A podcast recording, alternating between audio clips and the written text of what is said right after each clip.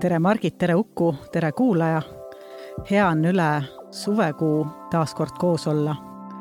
ja siin selles uue hooaja esimeses episoodis räägimegi natukene nendest mõtetest, mis tandemi teemal meile suvel juurde tulnud on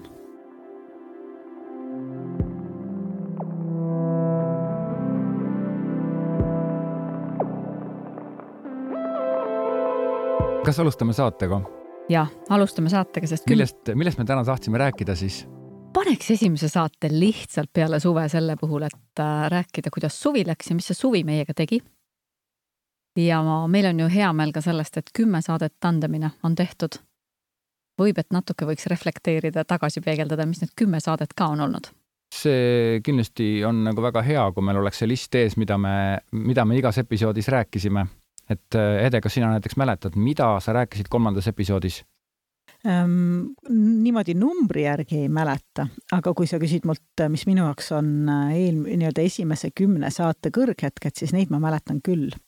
ja ma tean ka, mis minu lemmiksaated on olnud, millest ma ise võib-olla kõige rohkem rõõmu olen tundnud, et me just sellel teemal saate tehtud saime. mis, mis need on? Ehm, kuulamise kunst on kindlasti üks, mida ma isegi aeg-ajalt mõtlen, et mul tasuks endale üle kuulata. oli päris äh, väärtuslik mu meelest. ja mm, kahtlemise kasulikkusest on teema, mille juurde ma olen suve jooksul üsna mitu korda äh, päris teadlikult tagasi tulnud, endale meelde tuletanud, äh, kui väärtuslik on endal lubada või vahest lausa ennast kohustada kahtlema asjades nii, nagu nad esi-, esmapilgul paistavad. ja millest mul veel väga hea meel on, on see, et me tegime neid äh, külalistega saateid mm. ja Katre Sirel kahtlemata oma äärmise sellise võluva maailmavaatega ja just sellega, et ta tõi äh, sisse ka töövälised tandemid ja nende väärtuse töös ja eneseteostuses ja üldse elukorralduses laiemalt. Need on kindlasti need kolm esimest saadet, mis mulle meelde tulevad mm. teema, teemakäsitluse poole pealt ja vaata, kui mõnusalt andis ju suvi ka meile võimaluse rohkem oma perede keskel olla eh,. ilma töökohustusteta, mida me tegime siis koroona kevadel. aga just selleks, et eh, oma peres ka seda tandemit leida või lähisuhetes üldse või kasvõi koerades ja kassides, eks, et eh, kui me saadet täna natuke ette valmistasime, siis me mõtlesime, et me ei ole loomadest rääkinud. aga enne kui me loomadeni jõuame, siis mina tahan ka omalt poolt öelda oma kümne saate korra lindistamise kohta paar kõrghetke ja ma arvan, et Uku, ma küsin sama sinult ka. ma väga palju õppisin ja tead, mida ma õppisin? ma õppisin seda, kui tähtis on tandemis meil siin seda saadet tehes eh, teineteist kuulata ja teineteist tähele panna. see saade, mida me tegime garderoobis, mina olin oma kodugarderoobis, Ukul oli oma stuudios ja Hede, kus sina sel korral oma kodus olid? mina olin täitsa oma töökabinetis, koduses töökabinetis. minul selgus, et toas tohutu kaja, ja teha ei saa ja Uku täiesti punases, mis me teeme, et nii tohutult kajab, nii palju on äh, tarvis helitehniliselt tööd teha ja siis ma tegin lihtsalt kapis. sõna otseses mõttes istusin oma riidekapis ja ma olin selle istumisega seal riietekapi vahel nii rahul. see saade ka kuidagi kulges ja sujus hoopis paremini. ma mõtlen ka kohe, et, et kui nüüd äh, sügis tuleb peale ja tööasjad jälle rohkem sisse või projektipõhised tegemised ka sisse, et äh, ma täitsa mõtlen selle peale, et ma ei pea alati istuma sirgelt ühe koha peal, vaid et ma võin ka valida erinevaid kohti erinevate projektide tegemiseks, juhul kui me räägime sellest, et digiaeg tuleb meiega siiski kaasa. jaa, eriti äh, kui mõelda seda, et kuidas pea hakkab paremini tööle siis, kui sa oma tavakeskkonnast välja lähed mm. Äh, ja kuidas liikumine aitab tegelikult mõttel lennata.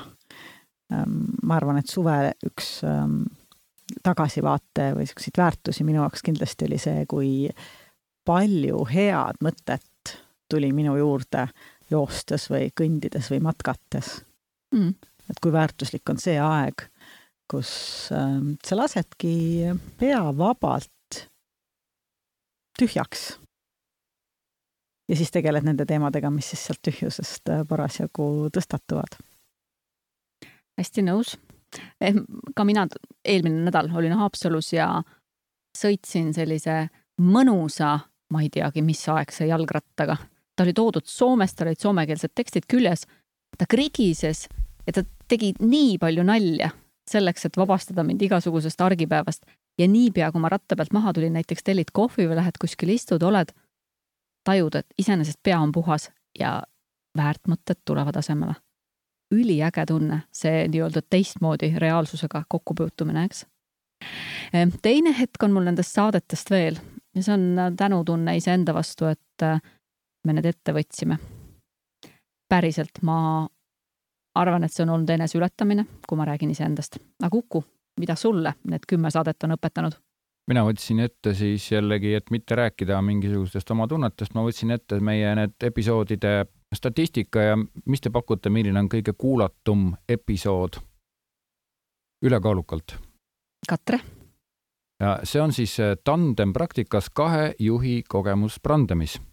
nii et äh, siit joonistub välja see, et tegelikult äh, sind, hea kuulaja, huvitab väga see, kuidas teistel on läinud ja ma arvan, et need kaks inimest, keda me siia, keda teie õigemini siia tõite ja keda me intervjueerisime, keda teie intervjueerisite, et siis see, see nagu töötas ja seda oli nagu väga huvitav kuulata. minu jaoks isiklikult oli põnev see, et et see tandemi asi võib-olla ei ole nagu midagi sellist, mis sa ütled ära ja siis ta on nagu selge, et, et see tandem võib-olla tahab saada niisugust pikemat lahtirääkimist, nii et et see tandemi teema hakkab tööle siis, kui sa oled selles keskkonnas ja selle mõttega harjunud nagu pikaajaliselt ja siis sa saad aru sellest töövõttest.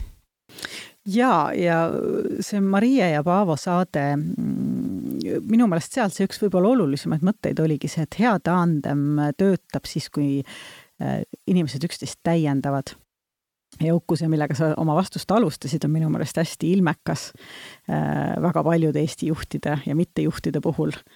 Äh, sa alustasid lausega, et mitte oma tunnetest rääkida. et võib-olla siin on see koht, kus korraks paneks igat juhti mõtlema, et kui ta ise on see mees, kelle kas või mõttes nii-öelda käib see lause läbi, et mitte tunnetest rääkida, siis võib-olla tasub mõnes tandemis endale partneriks otsida kedagi, kes on valmis ka tunnetest rääkima või võib-olla isegi tunnete kohta küsima ja natukene sellest mugavustsoonist välja ronida. või mis sa, Margit, arvad? ma tahaks kohe anda praktilise soovituse ja kuna me leppisime kokku Hedega, et me püüame sügisel ikka hoida seda liini, et saates on mõned praktilised soovitused ka, siis keeleliselt eesti keeles on nii palju mugavam, kui inimese käest saab küsida, kuidas sulle tundub. Mitte see, mis tunne sul on. hästi nõus.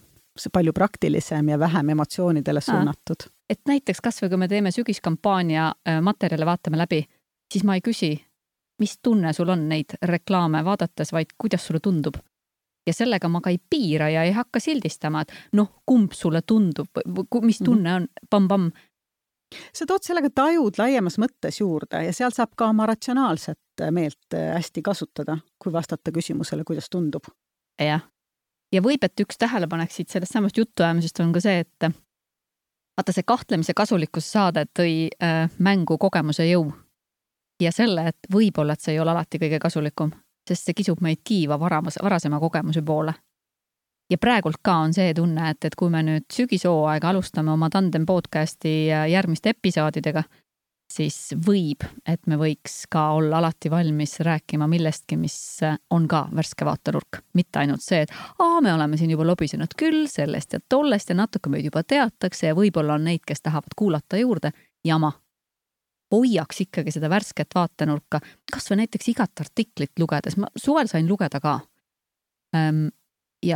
Tahad või ei taha, on tohutult lahe, kui sa annad endale ennem artikli lugema hakkamist, annad ülesande kellena sa seda artiklit loed. ja roll, millel, kellena sa seda artiklit loed, hakkab peegeldama samast artiklist täiesti teistmoodi teavet. võib-olla too siin kohe ka konkreetne näide, et kuulaja paremini aru saab mm, -hmm. mida sa mõtled, et. no näiteks, kui paljud meie kuulajatest võib, et on lapsevanemad, siis kui sa loed seda kui ema või kui sa loed seda kui artikli kirjutaja, kes tahtis edasi anda sõnumit. Või sa loed seda kui äh, konkurent. või sa loed seda kui investor, kes võiks ise mõelda, kas ta tahab sinna sellesse projekti, mille kohta sa ülevaadet loed või mille kohta sa teadus, nii-öelda teadusuuringut loed, et kas sa tahaksid sinna investeerida? hästi nõus, see on üks väga väärt tööriist, mida me ju sarnasel, sarnast tööriista me kasutame päris palju ka strateegiatööd või niisuguseid ettevõtte tööplaane läbi arutades, et äh, aeg-ajalt panna äh, inimestele erinevad mütsid pähe või see erinev filter ette, mille kaudu ta kuulab mm, -hmm. mille kaudu ta loeb, mille kaudu ta kritiseerib, aitab päris hästi uut vaatenurka leida ja märgata. ja mitte ainult, see seab ka ennast rohkem sinna, et see ära sea ainult või noh, ära, pagan. et, et ma ei sea ainult eesmärke mingisugustele projektidele ja ettevõtmistele, mis on minust väljapool, vaid ma võin neid eesmärke seada ka iseendas sees ja lausa võikski, eks ju. ja lausa võikski, eks, et, et selles suhtes on suvi helge olnud, et mina olen küll saanud seada eesmärke iseendale ja ma olen nendega ka hakkama saanud ja millega ei ole, siis nagu öeldakse, kestab ju veel. Kuku, kuidas sul suvi on läinud? väga hästi, väga huvitavalt on läinud, sellepärast et minu jaoks on suvi niisugune raske aeg, kus äh, tööd ei saa teha eriti ja peab olema perega ja nagu mm, tegelema lapse hoidmisega ja mingisuguse puhkamisega, siis äh, hoolimata sellest ma ikkagi mingil määral olen saanud tööd teha, et, et selles mõttes on nagu okei okay olnud ja suvi on alati mingi leidmise aeg, et, et suvel saab alati midagi leida, kuna talvel ja sügisel ja kevadel midagi leida ei saa, kuna sa oled liiga hõives oma mingisuguste asjadega. on ju nii? No vot selle lause esimese poole juures ma juba tundsin, kuidas Hede võttis kopsud õhku täis, et aga see reaktsioon kadus mul kuskil ära, nii et ise ma seda kopsud õhku täis võtmist ei, ei mäleta mm. aita siit Margit edasi. loeb välja mingeid tundeid, mida ta arvab, et ta tunneb, nii et ära võta seda kui Margit, vaid võta, kuidas seda, kuidas sa ütlesid, võta seda informatsiooni kui kuulaja mm. -hmm. kahtlemise kasulikkus, see on üks asi, mida mina äh, see oli äge kui... episood te tegelikult, mulle see meeldis. jaa, mina, ma suvele tagasi mõeldes mõtlesin, et, et see on midagi, mis on mulle olnud äh, mitu korda äh, suvel teemaks just selles kontekstis, et äh, näiteks suhted teismelisega äh,. see, kui palju võib vahest äh, kogemusest, tähendust mingisugusele käitumisele, lausele peale laksata on äh, ikka uskumatu. ja kui mhm. sul siis meelde tuleb kahelda, siis tegelikult asjale lähemalt otsa vaadates selgub, et äh, täitsa kellegi peas loodud tähendused polegi üldse päris. Mm.. ma kohe kuulsin enda suvest äh, paari episoodi, kus jutt läks automaatmõtetele, et kui see on nii olnud, siis läheb nii ja sealt edasi tuleb nii. Ja no mis me siis sellega peale hakkame palju asesõnasid, palju täitesõnasid ja palju automatisme, mille juures ometigi suvi võiks olla see, mis natuke raputab ja natuke väljapoole lükkab sellisest äh, raamkäitumisest. Ja ikkagi tuletab endale meelde, et aga kas on midagi, mida ma ei näe? jaa, ja see ei ole ju ainult ähm, nii-öelda suve teema, kui ma mõtlen, ma olen vaikselt äh, jõudnud siin juba teha tööd ka oma oma äh, coaching'u toas äh, oma juhtidega see tundub üsna inimlik, see automaatmõtete teema ja juhtimises päris sageli äh, kipub äh, noh, väljakutseid esitama.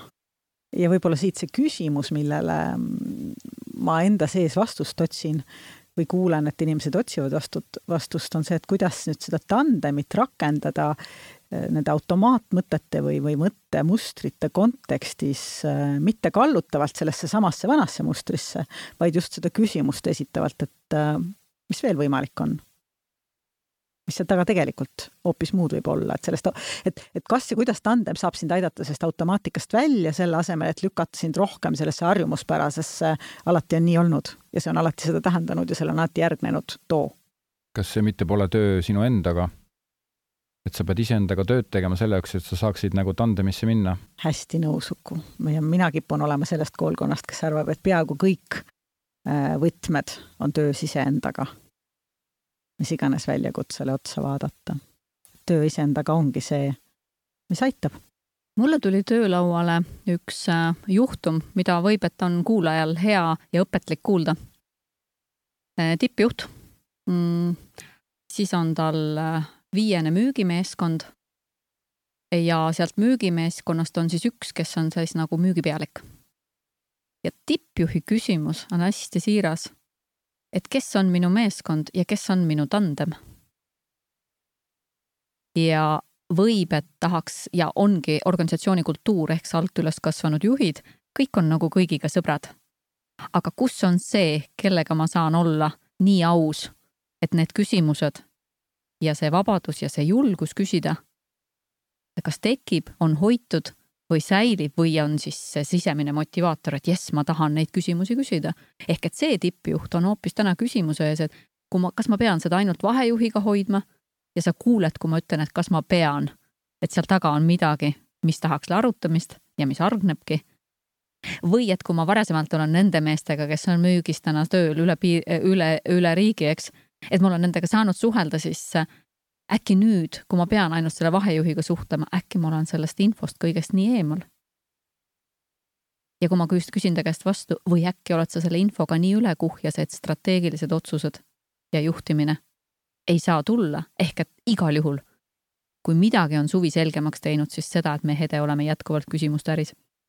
ja selle sinu juhtumi peale mõeldes, see on ka üks noh, tõsine küsimuste ring. kus ma annan vabaks? kus ma usaldan, kus ma tõmban selle piiri? kus minu minek sellest nii-öelda vahejuhist üle muutub mikrojuhtimiseks ja infoga ülekoormuseks. võib-olla selle juhi jaoks ähm, hea tandemi partner oleks hoopis väljaspool seda seltskonda. bingo, me tegime selle valiku. hääletan poolt mina võin tuua niisuguse huvitava näite, et äh, käisin äh, siin hiljuti just põllumehi intervjueerimas, õigemini mina olin see, kes seal midagi aitas ja küsis küsimusi ja näitas, mida filmida ja seal oli kahesugused põllumehed tulid välja. ühed on need, kes virisevad ja teised on need, kes on õnnelikud.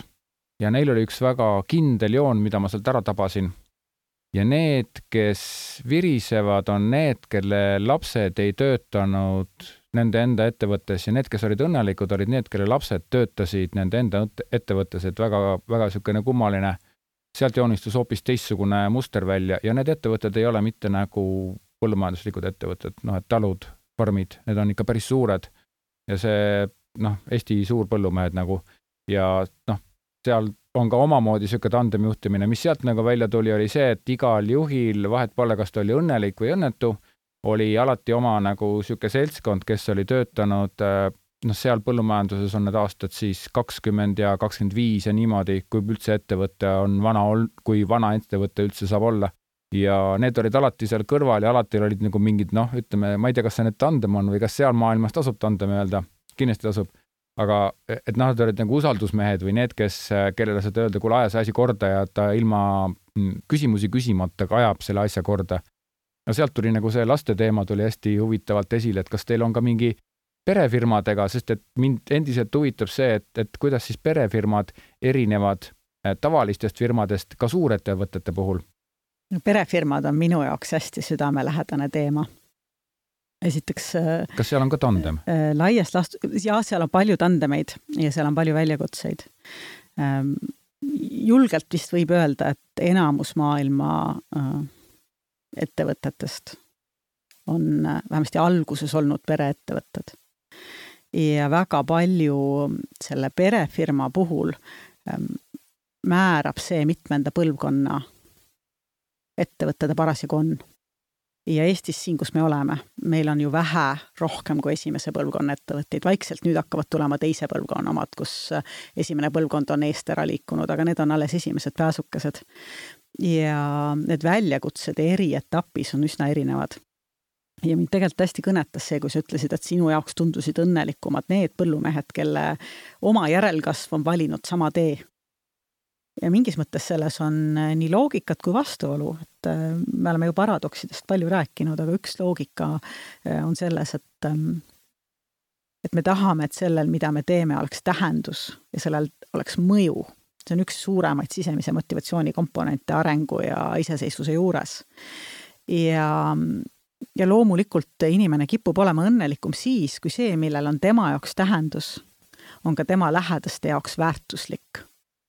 et see sisemine väärtuse tunne saab hästi hea boost'i sellest, kui meie lähedased inimesed hindavad samu asju, mida meie on ta siis meie abikaasa, elukaaslane, sõber, meie laps või vanem, kui ta kui talle meeldib sama, mis meile, siis see annab nagu selle kinnitusele või pai, et ma olen õige ma olen õigel teel, ma olen heal teel, ta kiidab selle heaks, ta võtab selle omaks, see on nagu, see on nagu suur sügav kallistus. ja kui laps läheb täiesti teist teed, siis see ju tekitab neid küsimusi, et äh, mis ma valesti teinud olen sõna otseses mõttes. mis ma valesti teinud olen, kas ma olen üldse õigel teel? või mis ma tegemata jätnud olen, miks ta ei lähe arstiks õppima?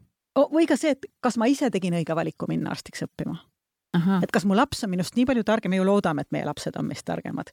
et seal need küsimused on palju sügavamad kui see, et miks ma ei ole oma last samale teele suunanud, vaid seal on ka see, et kas minu teel on väärtus, kui tema valib teisiti ja need on need kohad, kus äh, tegelikult nii see õnne kui, kui kahtluse tunne võivad olla väga sügaval ja ei ole sageli pinnal ja äh, maailmas natukene nüüd juba on sellist äh, sügavat noh, psühhanalüütilise baasiga pereettevõtete nõustamist, mis, mis töötabki tegelikult sellel nagu kahel paralleelprotsessil.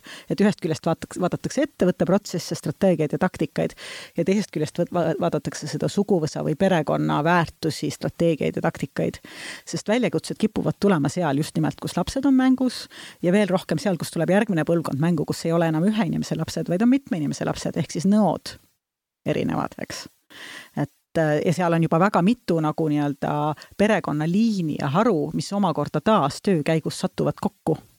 sa tõid nii hästi välja selle sõna väärtus, et ka perekondade puhul ja muuseas ka sellest sama, kus ma rääkisin tippjuht, alt üles kasvanud vahejuht ja võib, et liigne mikromanagement, ka selle ettevõtte üks esimesi avastusi, mis me nüüd töös teinud oleme, on see, et kas me kanname ühist väärtusbaasi.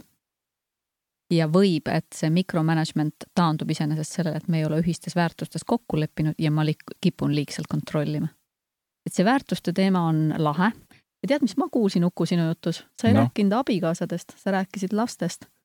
mis sa arvad, kas, kui sa neid põllumehi oma peas kiirelt ja kippelt analüüsid kas olid õnnelikud ka need, kelle abikaasad olid äris või olid õnnelikud need, kellel lapsed olid äris?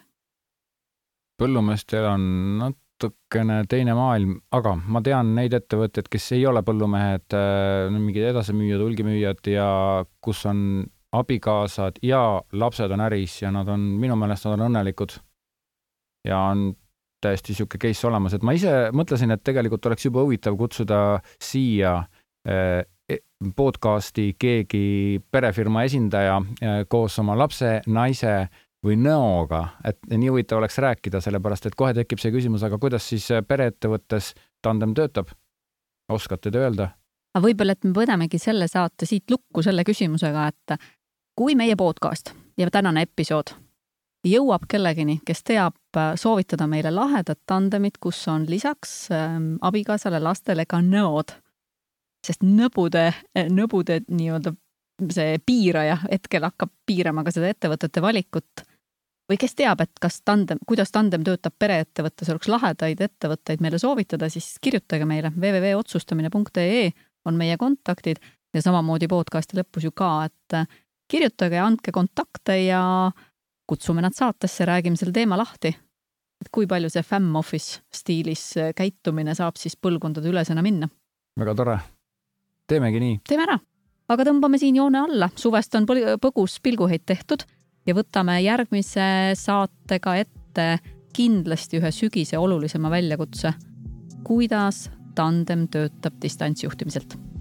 olge head, jääge meiega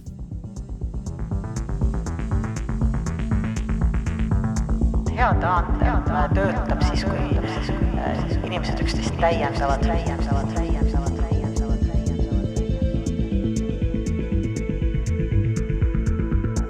tandemi teema hakkab tööle siis, kui sa oled selles keskkonnas ja selle mõttega harjunud nagu pikaajaliselt ja siis sa saad aru sellest töövõttest.